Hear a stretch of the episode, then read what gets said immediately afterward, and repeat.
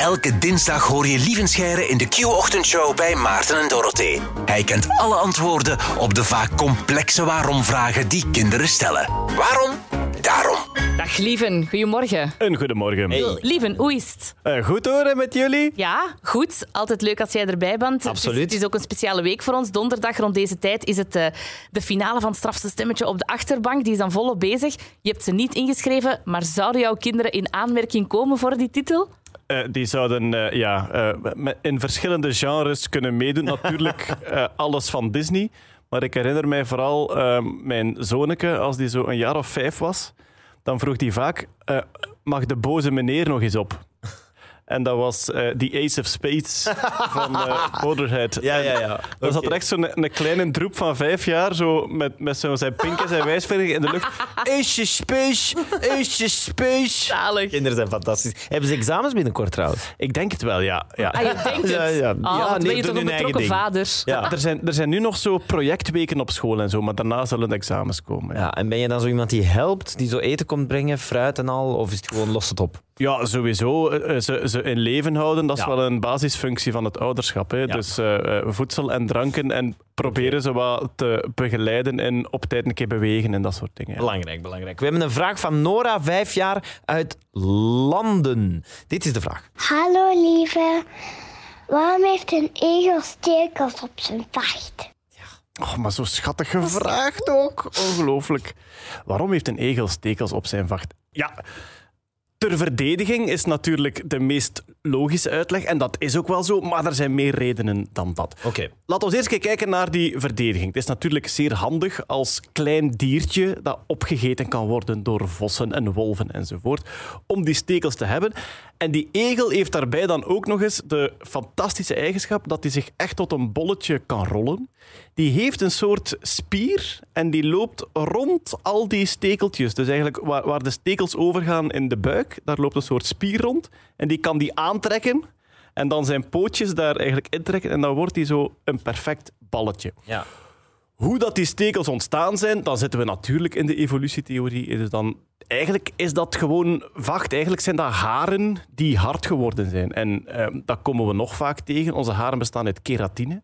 Maar bijvoorbeeld onze vingernagels ook. Eh, De klauwen van een dier, de horen van een neushoorn. zijn eigenlijk allemaal dingen die in de evolutie een beetje veranderd zijn van vorm, omdat ze nuttig zijn ter verdediging of om mee te bij. Maarten zijn haar is het gewoon gel. Dat, eh, allee, van die koekige, harde, krokante gel. Dat is ook een verdedigingsmechanisme. En Voilà. Ah, ja, liever, ga verder. kan hij zich tot een bolletje rollen ook? Ja, dat denk ja, ik ja, wel. Ja, hij is wel flexibel, denk ik. Ja, zeker. Flexibel genoeg. Eh, het eerste dier met dat soort harder wordende haren, waarvan ze vermoeden dat dat verdediging was, dat leefde 40 miljoen jaar geleden. De Folidocerus. En misschien waren er ervoor ook al, maar haren bewaren heel slecht in fossielen. Dus Ah, ze, zijn, ja. eh, ze zijn daar niet precies eh, zeker van.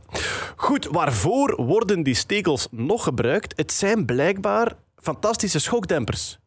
Egels kunnen van vrij hoog vallen zonder zich pijn te doen, door die egels als schokdemper te gebruiken. Ja, ja, ja. ja. En er wordt wel eens gezegd dat egels vrij, ehm, ja, vrij angstloos van hoge, van hoge dingen lopen en springen, omdat ze denken van, ik heb toch eh, stekels. Die bouncen gewoon naar beneden. Boing, boing, Ja, ja, ja. Maar van hoe hoog is dat dan ongeveer? Ja, goed, dat is, dat is niet van een flatgebouw, hè. dat is zo van een meter of twee, drie of zo. hè. Ja, voor zo'n klein beestje is toch veel, hè? Ja, ja, ja, inderdaad. Ja.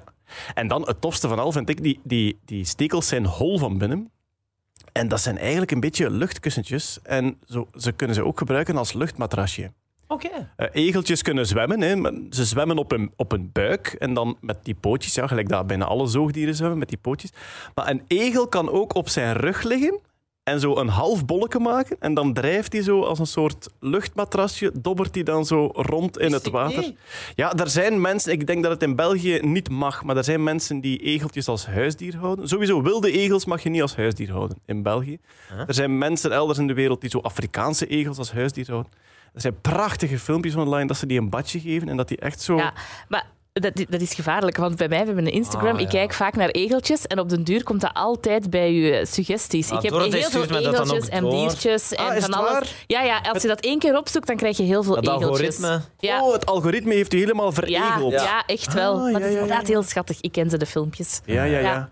Ik, ik heb nog twee weetjes ehm, over, over de stekels. Nummer één. Ehm, Baby-egels worden geboren met stekels. Wow. Auwa, ja, wa, wa, wa. Dat is eh, ja, Ja. intens. Maar Minder tof voor de mama. om de mama te beschermen, Ah. ligt daar bij de geboorte een soort vel over met vocht eronder. Zo'n beetje zoals een, zoals een blaar bij ons op een voet. Hè? Ja, ja. Dus Ah. die egeltjes hebben echt zo, die, zijn, die hebben hun stekeltjes ingepakt om mama geen pijn te doen. Oh, oké. Hey. En dan kort na de geboorte eh, krimpt, dat, krimpt die huid en komen daar zo van die spierwitte stekels. Ba- Baby-egels zijn uiteraard ook heel schattig. Dat zal het algoritme Ja, ja, zeker. eh, ongetwijfeld Kan ik al bevestigen. verteld hebben. En eh, tweede? Weet je nummer, twee? Nummer twee. Die, die stekels zijn dus eigenlijk vacht die veranderd is in, in een andere vorm. Eh, egels kunnen kaal worden.